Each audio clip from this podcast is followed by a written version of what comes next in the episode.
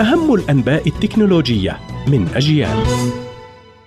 إليكم نشرة التكنولوجيا من أجيال. أهلا بكم. شركة ون بلس تعلن عن هاتفها الجديد الذي زودته بتقنيات وقدرات شحن غير مسبوقة.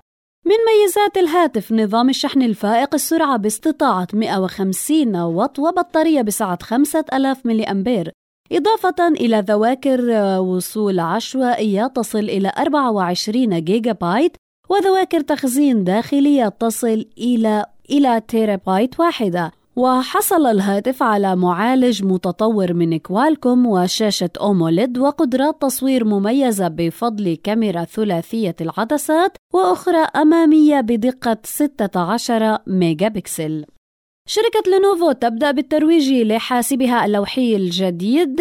وحصل الجهاز على هيكل أنيق مصنوع من المعدن والبلاستيك والزجاج المضاد للصدمات والخدوش.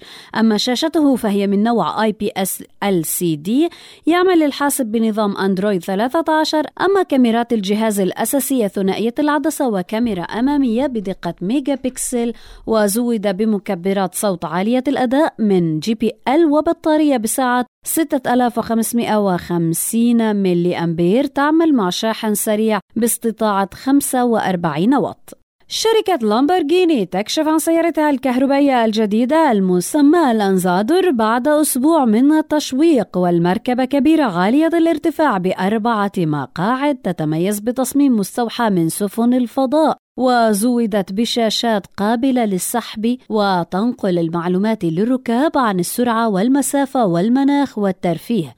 وتشتمل على محركات كهربائية عالية الطاقة على كل محور مع قدرة قصوى تزيد على 1 ميجا وات وتعادل 1341 حصانا هذا ما كان لدينا في نشرة التكنولوجيا من أجيال قرأتها عليكم ميسم البرغوثي.